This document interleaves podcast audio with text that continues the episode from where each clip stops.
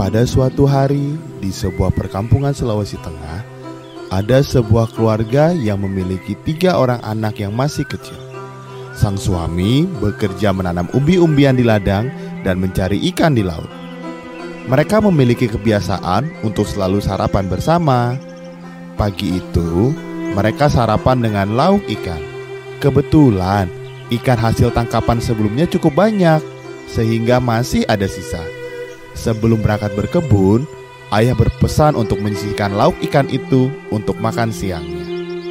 Istriku, simpan ikan ini untuk makanku siang nanti ya.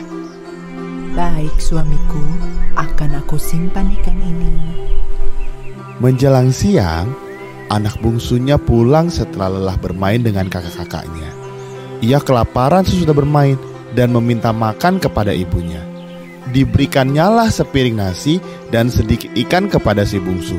Dengan cepat si bungsu melahap habis ikan itu tanpa sisa. Karena masih kurang, ia meminta makan lagi. Jangan anakku, ikan itu untuk ayahmu. Namun si bungsu tidak mau peduli. Ia malah menangis dengan kerasnya. Karena kasihan, ibu memberikan lagi sepiring nasi dengan sedikit ikan. Setelah habis nasi dan ikan itu, lagi-lagi si bungsu merengek minta ikan. Kali ini si bungsu menangis menjerit-jerit sambil berguling-guling di tanah. Tentu ibunya semakin tidak tega melihat anaknya seperti itu. Oleh karena itu, diberikanlah semua sisa ikan tersebut. Ketika siang, suaminya pulang dari ladang untuk makan siang. Pada saat hidangan sudah tersaji di atas meja, suaminya mencari-cari lauk ikan yang dipesannya tadi pagi. Ke mana lauk ikan yang kupesan tadi pagi? Maaf pak, ikan itu sudah dimakan si bungsu. Tadi dia merengek hingga berguling-guling di atas tanah meminta ikan itu. Namun, suaminya tidak menunjukkan rasa pengertiannya. Ia marah-marah karena istrinya tidak menuruti permintaannya. Istrinya sudah menjelaskan berulang-ulang kali, tetapi suaminya tetap saja marah-marah. Karena sudah tidak tahan lagi mendengar suaminya marah, istrinya berpikir untuk pergi dari rumah. Keesokan harinya, suami dan anak-anaknya bangun untuk sarapan. Akan tetapi, ibu tidak ada di rumah. Berkali-kali suaminya memanggil istrinya, tetapi tidak juga ada jawaban. Akhirnya, ia menyuruh anak-anaknya mencari ibu mereka di laut. Carilah ibu kalian di laut. Mungkin ia di sana. Hmm, mengapa mencari di laut ya? Bukankah kemarin si bungsu ingin memakan ikan? Barangkali ibu kalian sedang menangkap ikan sekarang.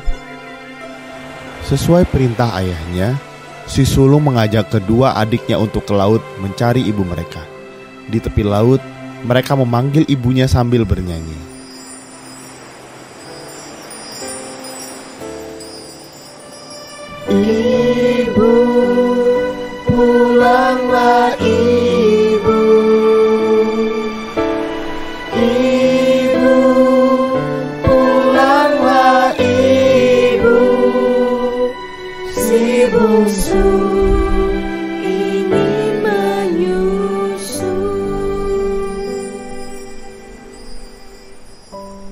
Setelah mereka bernyanyi tiga kali, ibu mereka muncul dari laut dengan membawa ikan-ikan.